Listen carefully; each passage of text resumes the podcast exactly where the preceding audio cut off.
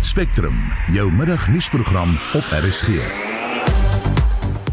In vermiddag se program politieke partye het tot 1 September om kandidaate te benoem om op die paneel van kundiges te dien wat president Cyril Ramaphosa moet ondersoek. Namibië se verbod op die invoer van Suid-Afrikaanse vleisprodukte bly vereers van krag en 'n Boran-bees behaal 'n rekordprys op 'n veiling. Hy het 'n goeie bouvorm, hy het goeie teelwaardes, 'n goeie nageslag en kom uit 'n goeie familie uit. Goeiemiddag en welkom by Spectrum onder redaksie van John Estreisen. Die produksieregisseur is Johan Pieterse en ek is Susan Paxton.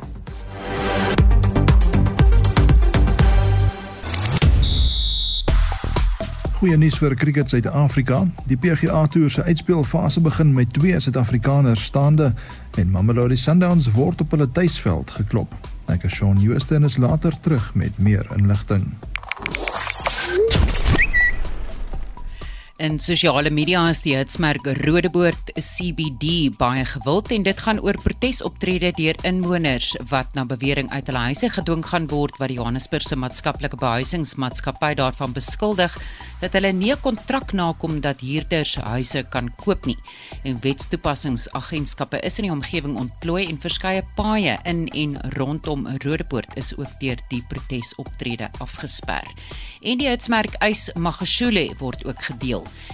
en dit is na aanleiding van die konstitusionele hof wat 'n stokkie gesteek het voor Magashule se aansoek om verlof tot appel teen sy skorsing uit die ANC hangende strafregtelike aanklagte teen hom. Ek is binnekort terug met nog sosiale media nuus. En ons praat oor politieke partye in die parlement wat reeds individue voorgestel het wat op 'n paneel sal dien wat die moontlikheid om president Cyril Ramaphosa in 'n staat van beskuldiging te plaas sal ondersoek. Die name van meestal oud regters soos Sisi Kampepe, Edwin Cameron en Dikgang Mosenetjie kom op partye se lyste voor. Daar was of word ook voorgestel dat die voormalige openbare beskermer, Tuli Madonsela en die strafregkenner Dr. Louwelen Kloos op die onafhanklike paneel moet dien. Wie sou jy voorstel moet op die drie persoon paneel dien? Deel jou mening, stuur 'n SMS na 45889. SMS se kos R1.50 of praat saam op die Monitor en Spectrum Facebookblad. 6 minute oor 12 jy luister na Spectrum. Politieke partye skarrel rond om hulle voorkeurkandidaate op die paneel te kry wat moet besluit of die president in 'n staat van beskuldiging geplaas moet word of nie. Die Vryheidsfront Plus het gister aangekondig dat hulle die strafregkenner Dr. Louwelen Kloos gaan aanbeveel vir die paneel. Dit volg nadat die spreker van die parlement, Nosiviwe Mapisa Nkakula, bevind het daar's genoegsame bewyse om die ondersoek te begin. Ons praat nou met 'n politieke ontleder, Dr. Pieter Mulder. Goeiemôre Pieter. Goeiemôre Susan. Hoe werk die proses om die paneel saam te stel en dan die ondersoek wat volg? Kom ek sê die grondwet sê artikel 100 uh, eh, artikel 89 dat jy die president kan onthef met 'n 2/3 meerderheid, maar hy spel nie uit presies die wat die proses is nie. So die interessante was in 2018 het die parlement nou nuwe reëls ontwikkel waar volgens hy nou sê dit gedoen kan word. Hele ingewikkelde prosesse kan dit so doen as dit nodig is, kan ek dit nie sê, maar die paneel is dan die eerste stap eintlik daarvan. En die paneel het sekere voorwaardes wat gestel word. Dis artikel is 129 is nou kamptig die reël van die nasionale vergadering iemand dit wil gaan naatslaan. En hy sê dan moet 'n paneel saamgestel word bestaande uit 3 lede. Hulle moet as 'n tweede plek Suid-Afrikaanse burgers wees en die paneellede moet die nodige regskennis en ervaring hê om so ondersoek te kan doen en as 'n vierde voorwaarde die paneel kan 'n regter insluit. So jy is heeltemal korrek, die politieke partye kan nou mense voorstel tot die 1 September as ek dit reg verstaan het en dan besluit die spreker dan gelukkig alleen wie die mense vir die paneel kan wees. Nou sê ek dit kan 'n regter insluit, maar dan moet sy dit in konsultasie met die hoofregter doen en die paneel moet dan voorlopig ondersoek instel of hier genoeg redes is om 'n hele impeachment of dan nou 'n staat van beskuldigingsproses te begin al dan nie. Dis waar ons nou trek ja. Hoekom is dit belangrik dat politieke partye 'n voorkeurkandidaat op hierdie paneel kry? Hulle kan vaar almal wil hoop dat dit so objektief moontlik is en na alle kante toe nou nie 'n ANC paneel is of 'n eensidedige paneel nie. En daarom het vir politieke partye die geleentheid om mense voor te stel. Dit wel waar is is die spreker die alleen reg om aan te stel en ek wil tog sien hoe ver sy dan bereid sal wees om van die mense almal aan te stel. Uh, kom ek sê die voorbeeld wat ons gehad het is die vorige ronde rondom openbare beskermer. Uh, Bosisi Mkwana was daar ook so 'n paneel en die paneel het toe bestaan uit oud regter Bessen Kabinde wat 'n oud grondwet regter is wat gesag gee aan die ding. Advokaat uh, Domisa Nsebeze was daar hy voor hom by die Waarheidskommissie en advokaat Johan de Waal, advokaat van Kaapstad. So dis heel moontlik so ek sê dat party iemand soos Nicolos bevoeld is voldoen aan daai vereistes en moontlik so kan voorgestel word eintlik maar die spreker gaan bepaal wie is dit en wie nie en dit gaan haar voorkeur wees. Hm. En wanneer sal hierdie paneel dan nou besluit of wat moet hulle doen voor hulle nou besluit 'n president moet in 'n staat van beskuldiging geplaas word? Wel die die woordvoerder interessant van die parlement meneer uh, Moloto Motapo het gesê hier is beslis nog nie 'n begin van die proses nie. Hy's nou bang mense sê dis impeachment proses het begin. Hy sê dis net 'n voorlopige ondersoek of daar genoeg redes is of dit genoeg eh, klagtes werklik geldig is. Nou tegnies 1 September dan moet die laaste name in wees. Dan het die spreker tyd seker 'n bietjie paar dae tyd om te bepaal hoe lyk dit en dan sê die gereëls 30 dae lank vandat die paneel aangestel is, moet hy dit ondersoek. Hy mag nie mondelinge gehoor aanhoor nie, maar hy kan op stukke bewerk en hy moet net sê hier is beslis genoeg rede om die proses in die gang te sit. En dan kom daar 'n volgende fase uiteindelik waar die parlement dan eintlik besluit ons dink ook om voort te gaan met so 'n proses en dan word daar weer 'n komitee aangestel. So is nog 'n lang proses. Hulle praat van 'n ontheffingskomitee, 'n uh, impeachment committee wat dan die saak verder ondersoek en hy maak dan 'n aanbeveling weer 'n keer aan die parlement en dan moet daar 'n 2/3 meerderheid kom na stemming en dan is die president af. So dis eintlik nog 'n lang proses om tot daar toe kom met baie moontlikhede langs die pad van vertraging en waarskynlik dat die uh, parlement kan besluit nee, hy gaan nie aan nie omdat die ANC die meerderheid het ja. Hmm. Baie dankie. Dit was Dr Pieter Mulder, 'n politieke ontleder. Namibië het sy verbod vir die invoer van lewende hawe en vleisprodukte vanaf Suid-Afrika herbevestig. Dis weens back and closure wat reeds meer as 'n jaar gelede in Limpopo en KwaZulu-Natal uitgebreek het. Die siekte het sedertdien na Gauteng, Noordwes en onlangs ook na sekere dele van Mpumalanga versprei. Vir meer hieroor praat ons met die voorsitter van die Nasionale Rooi Vleisprodusente Organisasie, James Faber. Goeiemôre James. Maar dit is so. Het dit 'n impak op die bedryf dat vleis en lewende hawe nie na Namibië uitgevoer kan word nie? Verseker is aan wie die grootste impak wat dit het, het is dat ons nie lewende diere genetiese materiaal vir al stoediere kan uitvoer in Namibië nie. So baie groot mark vir Suid-Afrikaanse stoetmark om diere uit te voer in Namibië toe en dit is nou tipiese bulle ramme koeie bulle jy weet wat vir teelmateriaal gebruik word net. Dit is seker die grootste gedeelte wat dit vir ons raak dat ons nie kan uitvoer nie. Watter ander lande het 'n verbod geplaas op die invoer van Suid-Afrikaanse vleisprodukte en lewende hawe? Dan ja, Botswana het 'n verbod op ons uh, van ek dink Swaziland het ook 'n verbod en dan is daar ook van jou Chinas en in sekere van jou Europese Unie lande wat 'n verbod het. Maar dit word per protokol met elke land onderhandel dan. En watter gebiede hier plaaslik is back and close nou die velste? Soos jy reeds genoem het, is is dit versprei in die oostelike dele van die land. Ek moet vir sê daar in die Vrystaat is ook 'n gebied wat redelik veel op die stadium uh is waar uitbrake is. Maar ja, uitbrake is net bevestig as hy reeds deur die staatsveers bevestig word. Maar hy kom tradisioneel in die heeltemal oostelike dele voor, maar die gedeeltes wat baie sleg geraak word is is die Noordwes en die Vrystaat. Mm. En sê vir my, hoe kan boere voer dat dit verder versprei? Absoluut met ons eienaarskap neem van ons eie besigheid. Ons moet seker maak net dat ons biosekuriteit toepas op ons plase, dat ons seker is dit wat ek inbring op my plaas aan kwarantainemaatrels voldoen 30 dae kwarantaine staan. Ek nie onnodig goed koop op ander plekke wat ek nie weet waarvan dit kom nie. Seker maak dat elke dier se herkoms baie verseker is. Daar bestaan nie iets soos 'n goedkoop koop in die in die veebedryf nie. So goedkoop is met 'n rede goedkoop. So jy moet seker maak wat jy doen. En dit is seker die belangrikste wat ek op alle boere se hart en alle betrokkenes in die landbou kan stel is nie. Kom ons neem eienaarskap en ons maak seker wat ons doen in elke proses. Alles is net om uh, veevoer te gaan verkoop by 'n boer of alles is net om uh, gesondheidsprodukte loop aflaai voldoen aan die biosekuriteitsmaatreëls op elke plaas. Hmm. Hoe lank dink jy gaan Namibië se verbod nog geldig wees? Gaan definitief geldig wees solank ons ons ou EU status nie terug het nie. Ons back and close vrye status nie terug het nie. Uh ja, is baie moeilik om 'n tyd hieraan te koppel, maar dit is 'n redelike lang proses voordat hierdie verbod weer opgehef sal word. My mening. Baie dankie ons het gepraat met James Faber, die voorsteur van die Nasionale Rooi Vleisprodusente Organisasie. 'n 8 jaar oue Boran bees is die afgelope week vir 'n rekordprys van 2,3 miljoen rand aan 'n boer in Zambië verkoop. Die hoofredakteur van Landbou Weekblad, Chris Burgess, sê die bil wat van die Hurwich boerdery afkomstig is, is van 'n baie goeie bloedlyn.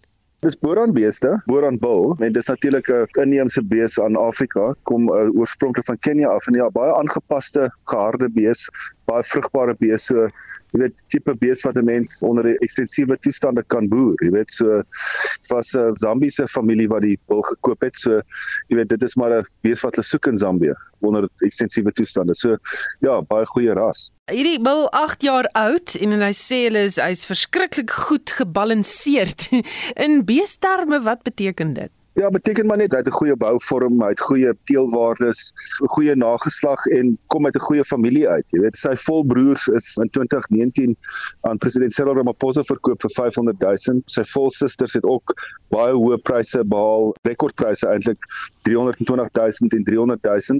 En dan uh, sy pa is 'n baie bekende wees en dan by die skou het hulle ook van sy bulkalver, sy nageslag was op die veiling. So dit help natuurlik ook want mense kan dan, jy weet, tipe dier sien. So net 'n ongelooflike dan sy teelwaardes, jy weet hy het uh, algehele koei kalf waarde van 124 gehad wat 24 bo die gemiddeld was. So ja, jy weet net 'n baie uitsonderlike dier as 'n mens hom in die geheel sien. So hierdie rekordprys van 2,3 miljoen rand nie iets vreemds daaraan nie. Nee, dit is 'n ongelooflike prys, maar jy weet hy's ook 'n KI bil. So jy weet jy kan semen tap van hom en jy kan 'n 1000 strooitjies elke 2 weke van hom tap. Jy weet so as 'n mens so daaraan dink kan jy nogal baie kalvers uit hom uitkry. Dit is nie dat hy net een kalf deel nie, jy weet jy kan hom duisend strootjies elke 2 weke so jy kan uh, jou geld terugmaak. Maar jy weet teeldiere is maar 'n dierspeletjie jy weet veral um, vir 'n ras soos die boerane dis maar wat diere voorgaan. Dit is nou natuurlik 'n rekordprys en dit is 'n uitsonderlike prys maar mense betaal maar vir kwaliteit. Jy weet dit is nie aldag wat so bil te koop aangebied word nie. En dit was Chris Burgess die hoofredakteur van Landbou Weekblad Nog sewe verdagtes wat verbind word met die beweerde verkrachting van 8 vroue in Kreersdorp aan die Gautengse Wesrand, het vanoggend in die plaaslike landroshof verskyn. Volgens die nasionale vervolgingsgesag word altesaam 14 verdagtes nou vir die vir die beweerde verkrachting aangekla. Die 8 vroue was besig om 'n musiekvideo te vervaardig toe hulle na bewering verkragt is. Ons praat met ons verslaggewer daar, Tsepo Pogani. Good afternoon, Tsepo. Yes, I can hear you now. Can you hear me? I can hear you. Tell me on what charges did the seven accused appear in court today? They haven't yet appeared in court. Um, there are throngs and throngs of people here um, who are waiting um, the, the case to resume. So, um, as you know, we've been reporting that the likes of Action SA President um, Herman Mashaba was here, he, he left, um, but we are still waiting. So, I managed to grab a word with Tindim Chondondwane of the NPA. Basically, what she's saying in terms of the delay is that um, the uh, accused are still going to be fetched um, so they're going to be brought into the court. So that process is happening now. But remember, when we reported yesterday, also we mentioned that there's a 15-year-old. There's a, one of the accused who claimed to be 15 years of age, and that is considered that he is a minor. So what has happened was that uh, the magistrate asked that um, he be sent for age assessment. Basically, he's going to be sent to a radiologist um, or a specialist who will be able to determine in terms of his age. Um, so this is what we are waiting for, as we've heard from Pindi, saying that that's the outcome from the doctor that we are waiting for. That's why the, the case has been delayed. And also that they are opposing the application of the media to have the, the cameras uh, uh, inside court because in the morning, uh, um, uh, the media that is gathered here, we went to the magistrate to uh, put an application that we, at least if we can film, film what is happening inside. So Pindi says also the delay is as a, as a result of them opposing that uh, application for media to be allowed inside the court to to um, uh, to, to to broadcast or show uh, the proceedings. Mm. Who else protested outside the court, and what were their grievances? Um, as, I, as I said, Herman Mashaba was here, and um, it's heartbreaking to hear what he had to say because um, he was out, uh, telling us how um, his wife's aunt has been a victim of, uh, you know, the, the, the violence that we've seen. She said that uh, she's 77 year old. She's living alone in Northwest. And then on Saturday, there were two young men who went into her home and they raped and murdered her. And they only found out days later that she has uh, passed away. But um, um, two of the suspects have been um, uh, arrested and they are appearing in court today. And the, the other people who've been here they were saying that you know from for example the SACP saying that government must come out with a program to rehabilitate these uh, abandoned mine dumps because they believe that they are of this violence that we've seen.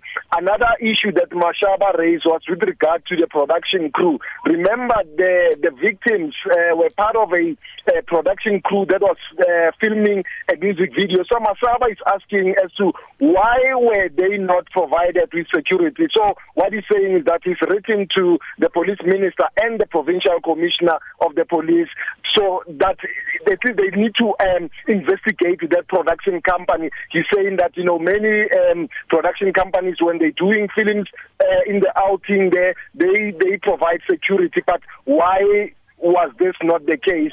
Um, so so hence I'm saying that he says that he's written to the, the police minister and says he wants answers within the next seven days. Baie dankie, dit was ons verslaggewer Tsepo Pagani. Ekonomiese nuus: Die jongste mynbouvervaardigingssyfers is pas bekend gemaak. Ons praat nou met 'n senior ekonom by die Buro vir Ekonomiese Navorsing op Stellenbosch, Lisette Eysel de Schepper. Goeiemôre Lisette. Goeiemiddag. Hoe het die statistiek vertoon? Ongelukkig was die data heelwat swakker as wat verwag was. Uh, daar was nie veel goeie nuus verwag nie, maar die 8% jaar-op-jaar afname wat ons nou gesien het in Junie was beslis slegter as verwag. Dis die 5de maand op ry dat produksie afgeneem het op 'n jaar-op-jaar basis. So as ons kyk na die eerste 6 maande van die jaar, het produksie net in Januarie toegeneem. Ook op 'n maand-op-maand basis, so wanneer ons Junie met Mei vergelyk, was produksie af met 1.4%. So ongelukkig maar slegte nuus. Hmm. Enige van die edelmetale wat byvoorbeeld vir uitgestaan het? Goud staan uit. Goud is omtrent 16% van mynbouproduksie, so dit het 'n groot impak en dit het op sy eie 4.7 persentasiepunte van hierdie 8% uh, afname verduidelik en dit is om die vierde maand op ry wat produksie met meer as 25% geval het. Maar dit is grootliks um, te verduidelik deur die mynbou staking wat ons gesien het by Savannah Stillwater. Dit was wel opgelos in Junie, ehm um, so tweede week, so hopelik begin produksie bietjie beter lyk like in die komende maande. Ehm um, platinum groepe en kool was ook 'n groot ehm um, steenkool 'n groot bydra tot die afname in Junie. Hmm. Ja, algemene indrukke oor die sektor tans.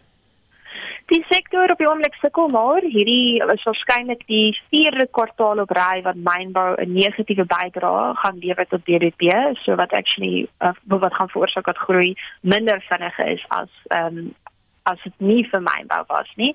Ehm um, en as ons kyk na die BBP prentjie vir die tweede kwartaal en sê geheel kan dit waarskynlik 'n afname wees en dit is 'n groot deel deur mynbou. Uh dit is omtrent 8% van die ekonomie. 'n uh, Belangrike ehm um, indiensnemer ook, nie meer so groot nie, maar tog 'n groot bydrae tot tot formele indiensneming. Baie dankie. Dit was Lisette Eysel de Shepherd, 'n senior ekonom by die Buro vir Ekonomiese Navorsing op Stellenbosch. Jy luister na Spectrum op RSG. Nog later in die program Suid-Afrika het 5 medaljes by die onder 20 wêreld atletiek kampioenskap ingepalm. Toe ek oor is en ek het gesien ek is in die medaljeplekke, toe voel ek reg goed oor al die goed wat ek al bereik het deur die jaar. En dis 'n kop aan kop stryd tussen William Ruto en Raila Odinga vir die presidentskap van Kenia. Bly ingeskakel.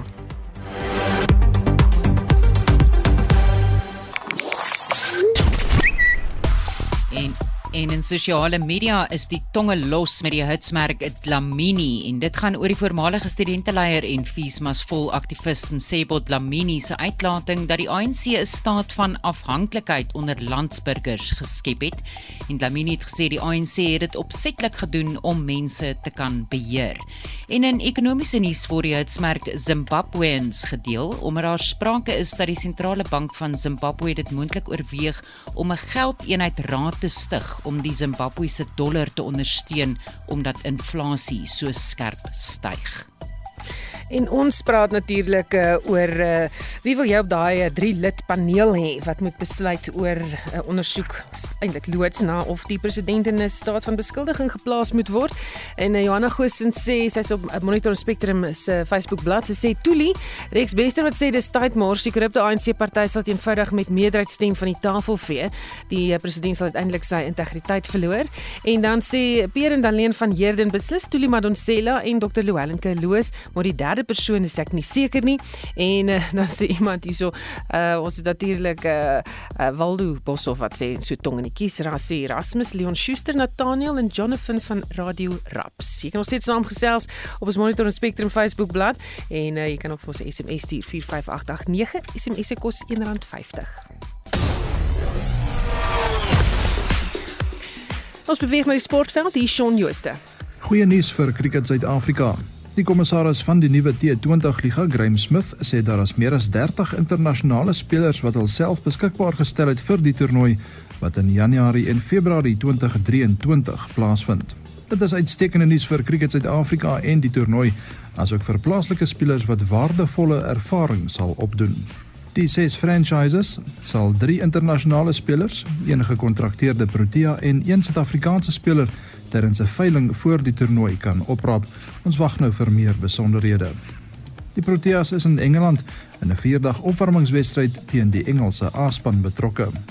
Suid-Afrika het 433 lopies in hul eerste beurt aangeteken en die Engelse A-span het dag 2 op 279 vir 3 geëindig. Die uitspelfase van die PGA Tour se 2021-22 seisoen het aangebreek met die eerste van 3 toernooie om die algehele kampioen te bepaal. Die St Jude Classic slaan vanmiddag 3 uur in Memphis af. Die veld bestaan uit 122 spelers wat ook twee Suid-Afrikaners, Christian Besaidnout en Dylan Fratelli insluit. Die top 70 spelers op die FedEx ranglys na die toernooi dring deur na volgende week se tweede uitspeltoernooi.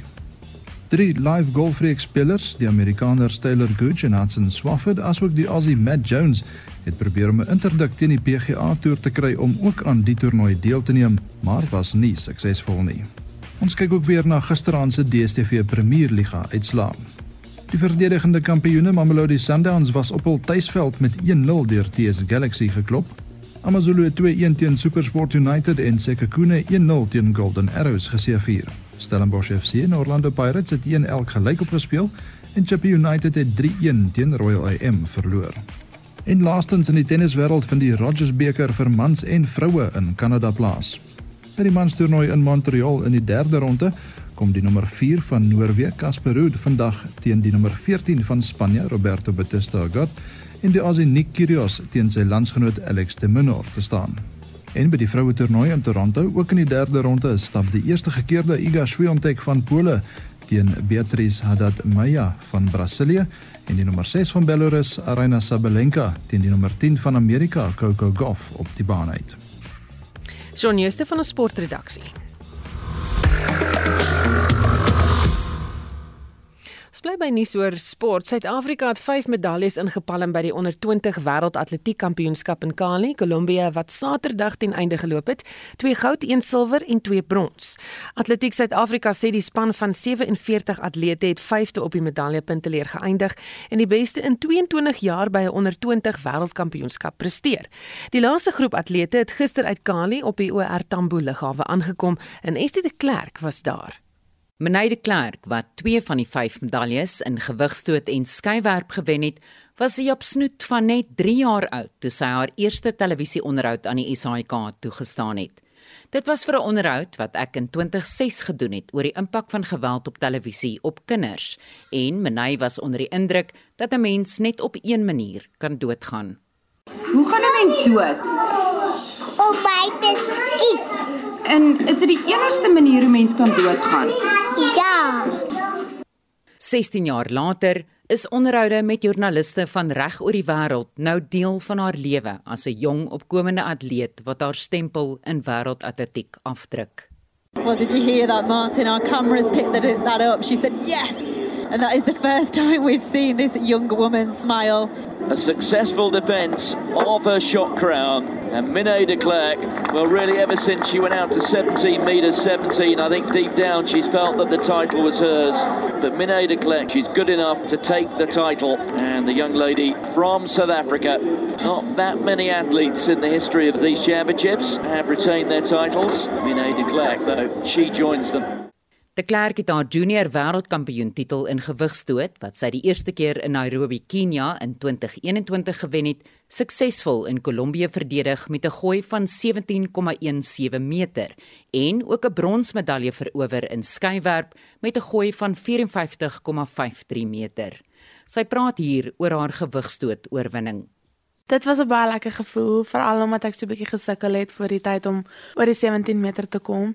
Al die emosies was weer die hele wêreld vol nes laas jaar, maar die lekkerste was om na my bolle toe te kan hardloop wat op die paviljoen gestaan het. Hoe voel dit vir jou om 2 jaar agter mekaar die junior wêreldkampioen te kan wees? Ek is baie bevoorreg om dit te kan sê, maar dis alles net Jesus se genade want hy is ongelooflik goed vir ons.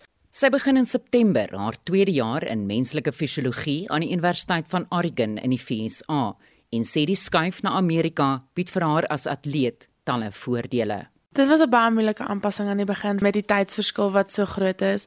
So ek kon nie baie met my ouers gepraat het nie, maar dit raak makliker want almal is baie vriendelik en hulle help jou met enigiets wat jy nodig het. Die lekker ding van Amerika is omdat daar so baie byeenkomste is, neem jy teen goeie mense deel wat ouer is as jy, so jy doen ook so meer ondervinding en ervaring op sodat leer jy om die stres beter te hanteer. Die 19-jarige Laith Pillay het 'n asemrowende vertoning gelewer in die 400 meter eindstryd toe hy eerste oor die wenstreep is in 45,28 sekondes. But look at Pillay and on the outside Utah, it's Pillay who's going for it. McElroy is trying to get back at him, but the South African has time to celebrate. What a win! Laith Pillay of South Africa has run the race of his life. 45 He cannot believe it. Die 18-jarige Brian Raats, 'n matriekleerling aan die Hoërskool Garsfontein in Pretoria, het op 'n hoogte van 2,10 meter gemaklik oor die hoogspringlat geseil om 'n silwermedalje huis toe te bring. Ek het goed gevoel oor die silwer. Dink nie die hoogte was vir my so wonderlik nie, maar ek sal sê toe ek weet ek het silwer, toe is daar 'n bietjie emosioneel by want toe ek oor is en ek het gesien ek is in die medaljeplekke toe voel ek reg goed oor al die goed wat ek al bereik het deur die jaar en ek het net geweet al my harde werk het op daai oomblik gewys. Ek voel dat alles bereikbaar is deur God as jy in God glo. Net om my geloof by te hou en net jouself te wees dan druk mens deur moeilike tye. Maar dit is by verre nie raad se hoogste afstand nie. Hy het reeds as junior vanjaar aan ISA se senior Grand Prix byeenkomste deelgeneem en die eerste plek verower by 3 van die byeenkomste met 'n persoonlike beste van 2,26 meter in April. Deur die jaar met die senior byeenkomste het my baie ervaring gegee en dit het my baie gedruk om hoër hoogtes te bereik. So ek dink dit was vir my 'n baie groot ervaring om deur senior atlete deel te neem. Rans gaan volgende jaar 'n diploma in sportwetenskap aan Tikkie studeer en op sy atletiek fokus. Die 19-jarige Benjamin Richardson het brons gewen in die 100 meter eindstryd toe hy in 10,12 sekondes oor die wenstreep gehardloop het. I'm happy that I even came back with a medal. It wasn't really one of my best races, but we learn and we get better through times. And in general, that experience was great. Going to Colombia, meeting new countries, getting to, to compete against the best of the best was all good. And I'm very grateful for the experience that I had. Richardson, nou 'n eerstejaars student in stads- en streeksbeplanning aan die Universiteit van Pretoria, sê harde werk lê in die volgende seisoen vir hom voor voor die senior wêreldkampioenskap in Budapest volgende jaar met 'n moontlike oog gerig op die Olimpiese spele in Parys in 2024. There's a lot of aspects of my running that I still have to fix.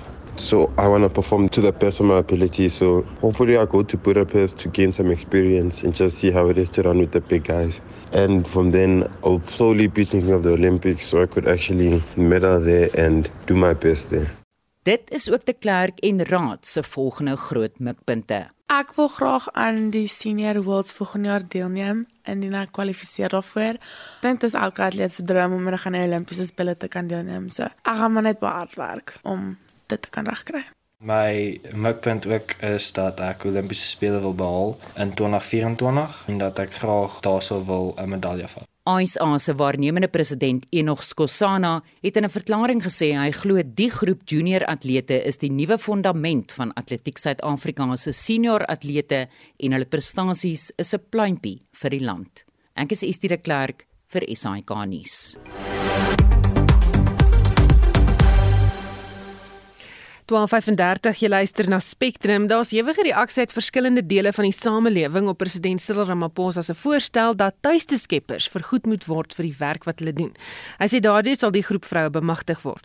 Ons praat nou met Dr Lisa Leroux van die eenheid vir godsdiens en ontwikkelingsnavorsing aan die Universiteit Stellenbosch. Goeiemôre Lisa. Hallo Susan, baie dankie dat ek hier kan wees. Wat dink jy van die voorstel van die president? Nou, ek ek dink dit is wonderlik dat hy die onderwerp opgebring het. Ehm um, want ek dink sy toespraak werp reg lig op die feit dat so baie vrouens is volkome finansiëel afhanklik van hulle mans en dat dit hulle baie kwesbaar maak vir verskeie vorms van uitbuiting en geweld. Hmm. Nou, wat dink jy van die reaksie op die voorstel van vroue wat sê ja en selfs die wat sê dis belaglik tot mans wat sê dit is 'n vrou se Christelike plig om die kinders te versorg? Kies jy um vir my uh, ek ek ek lees en ek hoor die reaksies en en en die heftigheid en ewigheid agter dit. Maar vir my kom dit heeltyd terug op um vrouens se menswaardigheid en hulle veiligheid en en navors, navorsing reg oor die wêreld wys vir ons deurgangs hoe belangrik finansiële onafhanklikheid is vir vrouens en hulle bemagtiging. En dit wys ook vir ons dat as hulle finansiëel afhanklik is, hoe meer blootgestel hulle is aan geslagsgebaseerde geweld en dat dit baie moeiliker is vir hulle om uit verhoudings te kom waarbinne hulle geweld ervaar. Ehm um, so ek ek hoor ek hoor die heftigheid en en mense wat in reaksie daarop is. Um, maar ek voel baie sterk dat uit 'n plek van van veiligheid en menswaardigheid um, is is hierdie 'n belangrike saak wat president Ramaphosa lig. Hmm. Dan uh, dis 'n luisteraar namens Petrus. Sy sê as 'n man se salaris aan hulle vrou moet betaal vir die werk wat sy doen, is dit nie meer 'n huwelik tussen twee persone wat mekaar liefhet en alles deel nie, maar eerder 'n sake transaksie waar vergoeding vir dienste gelewer uh, van krag word, soos vir 'n prostituut of geselin. Daar sal meer egskeidings en aanrandings wees. Ek dink mense sal nie meer trou wees nie, eerder net saam bly, geen morele standaarde meer nie. Dis 'n ook 'n interessante punt wat sy maak. Ja, so dit is nogal 'n in hierdie hele polemiek wat nou ontwikkel het, is dit 'n groot argument wat gemaak word. Ehm um, dat in in sulke huishoudings waar die man die enigste broodwinner is en die vrou die huis onderhou, ehm um, dat sy geld is hulle geld en dis 'n vennootskap en betaling is nie nodig nie, dit ondermyn dan hierdie vennootskap. En en ek hoor dit en ek dink dit is wonderlik in teorie. Ehm um, maar ongelukkig weet ons dat dit nie so uitwerk in alle huishoudings nie. Dat dat 'n paartjie nie altyd saam finansiële besluite neem nie dat die magsdinamiek in 'n verhouding dikwels baie ongebalanseerd is as net die man geld verdien en dit beheer. En dat daardie geld 'n manier is wat baie mans hulle vrouens domineer en beheer. En dan en dan om dit verder te vat wat as die verhouding wel uitmekaar val en dit gebeur so baie vir alles vrouens ouer word. So dan is dit nou 'n leeftyd van finansiële afhanklikheid um, wat 'n vrou regtig so kwesbaar maak want you know waar's haar spel spaargeld en en haar kredietrekord en haar pensioenfonds. So ek hoor wat Petrus sê, um ek die die realiteit is um dat dat dit nie altyd so utopies uitwerk nie. Dan sien nog iemand wat sê maar wat van vrouens wat voltydse beroepe het en dan steeds eh, met die huishouding moet eh, help werk en skoonmaak en na naweke dit moet behartig. Het nie noodwendig huishulpe in die huis nie en indien wel moet hulle ook betaal word. So nou raak dit 'n tegniese aspek. Kyk, daar's twee belangrike sake dink ek wat daar um, opgebring word. Die die een is hierdie ding van die derde skof. Dat werkende vrouens kom van hulle voltydse werk af en dan om by die huis hulle hulle hulle ander voltydse werk te kom doen. En daai is 'n baie belangrike saak want ten spyte van dat in die afgelope dekades vrouens soveel groter deel van die formele werksmag um, uitmaak word hulle uh, hoeveelheid huistake nie proporsioneel minder en en mans deel meer daarin. So daai is 'n baie belangrike saak om uit te bring. En ek dink die antwoord daar is is nie noodwendig dat vrouens betaal word nie, maar dat mans net ook regtig jy weet gelykheid in in in daai taakverdeling opneem.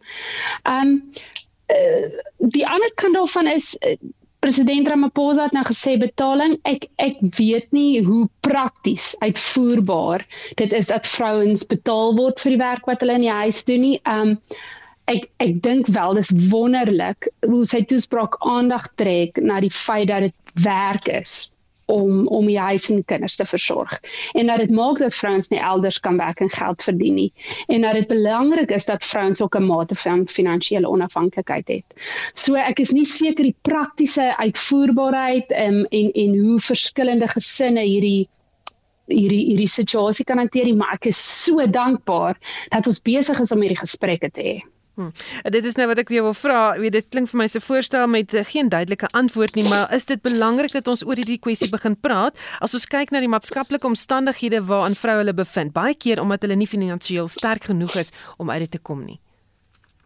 Ek dink is so belangrik en ek dink uit verskeie oorde is daar akademici, daar's vroue organisasies, daar's aktiviste wat al vir 'n lang tyd aandag trek na die realiteit van hoe erg huishoudings rus op die skouers van vrouens, maar daar nie erkenning daarvoor is vir hoe regtig baie vrouens doen nie. En dis nie noodwendig om onbetaald net in die huis te werk nie. Dis ook werkende vrouens of vrouens wat deel is van die informele werksmag, maar wat ook ten volle hierdie huishouding verantwoordelikheid het. Ehm um, So daar word lankal aandag hierna getrek, goeie navorsing word gedoen. Ek dink ons krag in die feit dat ons president hierdie saak uitlig. Um ek ek en en ek en ek is opgewonde oor hierdie gesprekke wat aan die gang is. Um en ook ek dink vir die bewussyn wat dit bring vir elkeen van ons om te kyk na ons huisgesinne. Wat is aan die gang daar? Hoe hoe verdeel ons die skoonmaak en die opwas en die kos maak en die kinders se klere stryk, jy weet, om om 'n bietjie ook meer na binne te kyk en en hoe ons ons mekaar in ons huishoudings ondersteun en ag. Baie dankie, dit was Dr. Lisa Leroux van die Eenheid vir Godsdiens en Ontwikkelingsnavorsing by die Universiteit Stellenbosch. Nou nou nuus uit die buiteland. Die voorlopige uitslae van die presidentsverkiesing in Kenia dui op 'n tawwe stryd tussen die adjunkpresident William Ruto en 'n voormalige eerste minister Raila Odinga.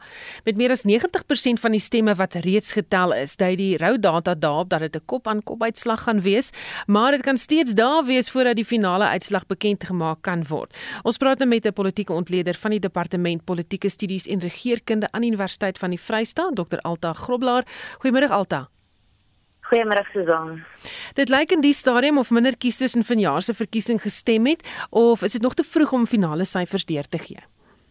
Dit is nog 'n bietjie vroeg, maar soos jy nou heeltemal reg genoem het, meeste van die stemme is al getel en in die vorige verkiesing in 2017 was daar het daar 80% van die van die geregistreerdes gestem en hierdie jaar lyk dit asof hulle net so oor die 60 gaan kry um, wat gestem het hierdie jaar, so dit is beduidend minder. Dan die stryd is uh, blyk baie taaf te wees. Wie sal die beste kandidaat wees om die leiersels oor te neem? Dit is 'n baie moeilike vraag daai want as ons kyk na die die stemmerspopulasie, die grootste deel van die stemmers is eintlik die jeug daar tussen 18 en 35 jariges en van daardie groep um, het net 40% van hulle geregistreer om te stem en dit wil blyk asof hulle meer van Ruto hou omdat hy self jonger is. Um en hulle is bietjie skrikkerig vir die huidige politieke klimaat daar en die, die uitredende president ondersteun natuurlik vir um Odinga.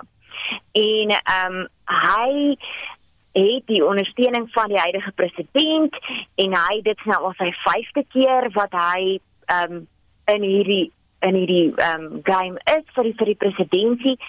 So die jeug is so bietjie skrikkerig want hulle hulle voel daar is die verandering in Kenia nie so 'n ouer kandidaat gaan nie noodwendig hulle probleme aanspreek nie. Wat is van die grootste kwessies wat tydens vanjaar se verkiesingsstryd ter sprake was vir hierdie twee kandidaate?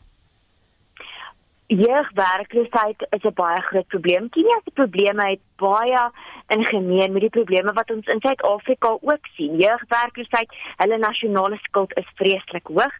Ehm um, natuurlik ook hulle lewenskoste. Hulle lewenskoste is, is baie hoog en hulle inflasie is die hoogste wat dit was in die afgelope 5 jaar.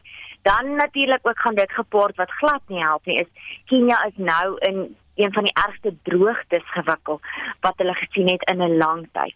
So wie ook al dan nou die leiersels oorneem, daar gaan al klaar begin met 'n paar vreeslike uitdagings. Beide van hierdie kandidate het in die aanloop tot die verkiesing aangespreek en gesê dinge soos korrupsie gaan hulle baie ferm aanspreek en hulle gaan dit onmiddellik aanspreek maar hulle was baie vaag geweest soos ons nou maar politici ken met presies hoe hulle dit gaan doen.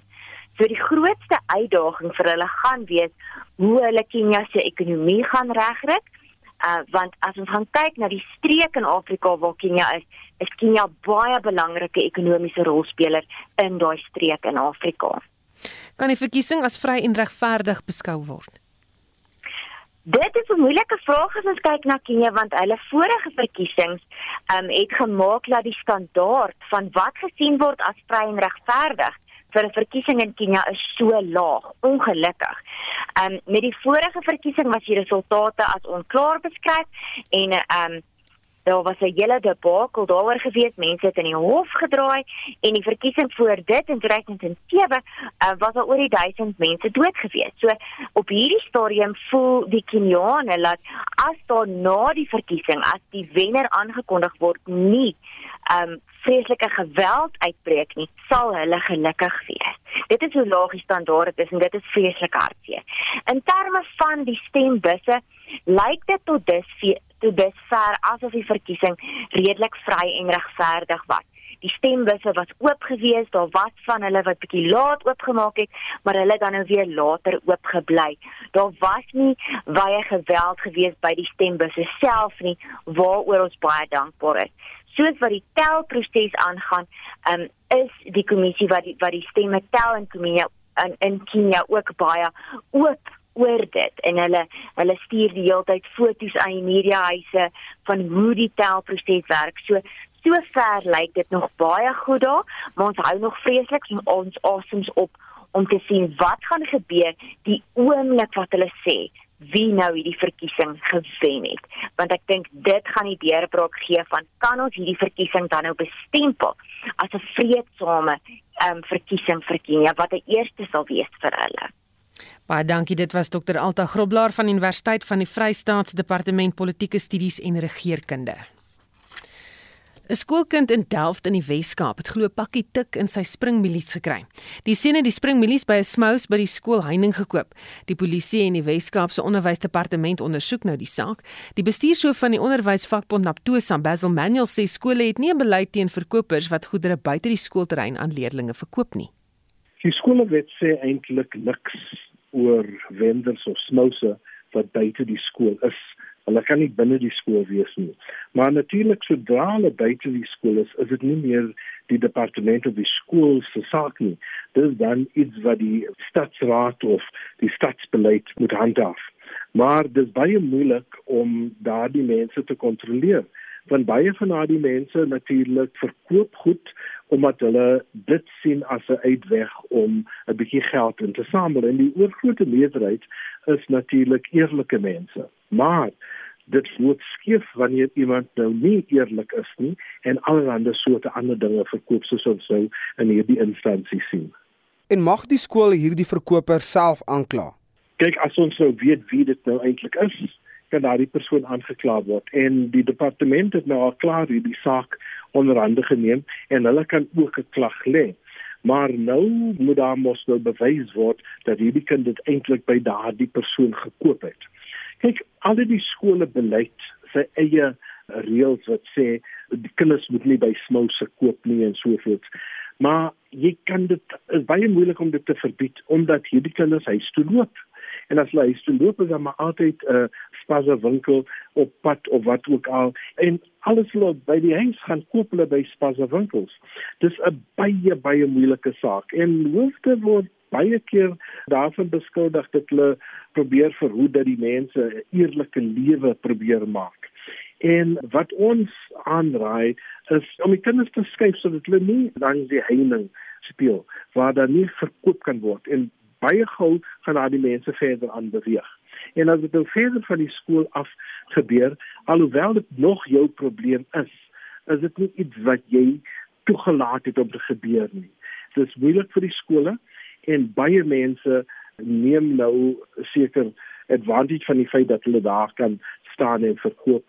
En baie van die kinders weet ook dat goed daar verkoop word wat hulle nie mag koop nie en hulle wil daardie goed koop. So is 'n baie moeilike saak. En Basil laastens, hoe kan ons ons kinders of leerdlinge dan oplei om nie goed oor 'n draad te koop nie? Want meeste van die skole in Suid-Afrika se infrastruktuur is natuurlik nie so goed soos die model C skole nie. Hoe kan ons ons kinders oplei? Ja, die eerste ding is natuurlik dat die skool met die ouers moet saamwerk want wat die ouers by die huis sê en wat die konnies op skool sê en wat die hoofde op skool sê moet met mekaar saamstem. En ons sê vir ons hoofde en ons onderwysers onthou as jy nie iets daaraan doen as er iets gebeur dan val dit hier by jou. En daarom moet jy daagliks met die kinders daaroor praat. En dan vra ons ons ouers om dieselfde te doen. Want ons weet daarom dat dit baie moeilik sal wees om die mense weg te beweeg van daardie sypaadjies as wat hulle verkoop. Want dit gebeur deur die land. In allerlei plekke sien ons mense goed verkoop. Dis 'n moeilike saak maar ek dink die oplossing lê tussen die skool en die ouers en natuurlik die leerders En dit was Basil Manuel, die bestuurshoof van die onderwysvakbond Naptosa wat met Vincent Mofokeng gepraat het. Vandag se sake nuus word aangebied deur Chris Weemeyer, 'n portefeuljebestuurder by PSG Wealth Pretoria Oos. Goeiemôre Chris. Goeiemôre Susan. Uh, gister het uh, Amerikaanse inflasie syfers die mark aan die brand ges geskiet in Amerika en plaaslik by ons is die mark ook baie positief vandag. Algehele indeks 1,2% sterker op 70552 punte. Average indeks 1,7% hoër, finansiële uh, indeks 1% sterker en hulpbronne nou so half persent sterker. So 'n goeie dag op ons beurs. Ons het heelwat maatskappye resultate en aankondigings gekry. Ook Mitchell het net gesien gesê dat hulle verdienste tussen 52 en 57% hoër sal wees. Ook Mitchell se prys nou 2,8% hoër op R11.77 en die in het vanoggend met halfjaar resultate uitgekom en uh, met baie goeie uh, omset wat beter as verwag is en hulle het al 281.6 miljoen intekenaars Ehm um, hulle het wel nie 'n dividend verklaar nie, maar die aandeleprys nou 6,1% hoër op R154.73 en Bidcorp het ook gesê dat hulle resultate tussen 75 en 80% hoër sal wees. Bidcorp se prys tans 4,7% hoër op R342. So nee, nie 'n slegte dag op die markte vandag nie. Die miners wat nou nie uitsonderlik presteer nie. van die aandele daar waar die oogvang is, maar Impala Platinum 1,3% sterker Anglo Platinum 1,1% hoër en, en dan ook Sibanye Stillwater 0,8% sterker. Sasol se prys dan se onveranderd hier op 348 gram 88. Internasionaal sien ons net uh, markte wat uh, gisteraand ook 'n baie goeie loopie gehad het wat 'n bietjie terugkeer in Londen. Is die FTSE nou 'n kwart van 'n persent swakker in Frankfurt is die DAX tans onveranderd en in Parys is die uh trek nou 0,25% swakker. Die rand uh, ook met hierdie inflasie syfers wat net aandui dat rentekoerse dalk nie so aggressief in Amerika gaan styg nie. En die dollar verswak teen die groot geldeenhede en uh die rand verhandel tans uh 39 sent sterker op R16.18 16.18. 'n Euro kos jy nou R16.71 en 'n pond nou R19.73 goudprys op 1790 dollar per ons platinum tans op uh, 958 dollar per ons en dan die Brent oor die prys wat nou saam met hierdie uh, positiewe nuus gisterand gestyg het en die Brent uh, prys nou 98 dollar 18 per vat. Susan, dis al van my kant af vandag baie dankie.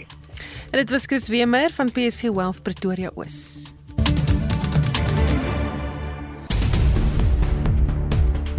Estie het vir ons die nuus en ontwikkelende stories dopgehou. Estie Ja, Susan, politieke partye skarrel rond om hulle voorkeurkandidaate op 'n paneel te kry wat moet besluit of president Cyril Ramaphosa in 'n staat van beskuldiging geplaas moet word.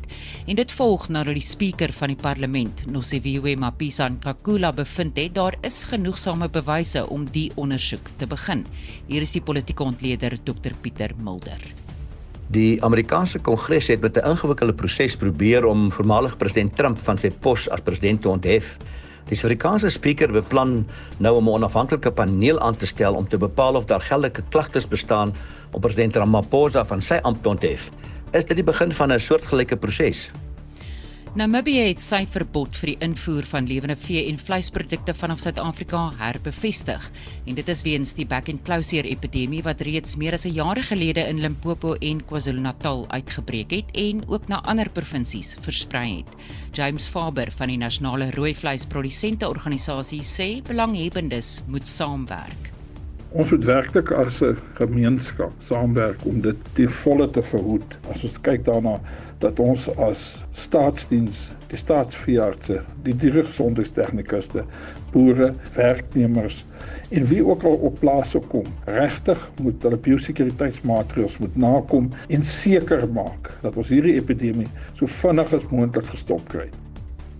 President Ramaphosa het voorgestel dat tuiste skeppers vir hulle werk betaal moet word en Dr Lisa Leroux van die Eenheid vir Godsdiens en Ontwikkelingsnavorsing aan Stellenbosch Universiteit sê vroue wat geen geld van hulle eie verdien nie, is besonder kwesbaar. Vrouens wat voltyds in die huis werk, het nie die geleentheid om hulle eie geld te verdien nie, terwyl finansiële onafhanklikheid 'n groot element is van vrouens se bemagtiging. En navorsing wys ook konsekwent hoe finansiële afhanklikheid vrouens meer blootstel aan geslagsgebaseerde geweld en hoe sulke afhanklikheid dit vir vrouens baie moeiliker maak om geweldgevulde verhoudings te verlaat. Nog 7 verdagtes het vanoggend in die Landdroshof in Kreersdorp verskyn in verband met die verkrachting van 8 vroue in Kreersdorp. En in Brandpunt vanmiddag om kwart voor 6 berig ons span oor die Departement van Landbou wat sê hy werk onverpoost om 'n ooreenkoms met die Europese Unie te bereik oor sy nuwe regulasies oor sitrusinvoere. En dit was Essie met 'n oorsig van die afgelope uur se nuus en ontwikkelende stories. Soos jy gehoor het, vorige uitsendings van al ons nuusaktualiteitsprogramme is op rsg.co.za beskikbaar en skakel in om kwart voor 6 vanaand vir Brandpunt waar die span 'n samevatting van die dag se nuusgebeure het en natuurlik monitor môreoggend tussen 6 en 7 weer vir opwindende nuusgebeure wat daar eh, bespreek word. Ons het namens ons uitvoerende regisseur Nicoline de Wet, die redakteur vandag Jan Estreisen, produksieregisseur is Johan Pieterse. Ek is Susan Paxton. Geniet jou middag in die geselskap van RSG.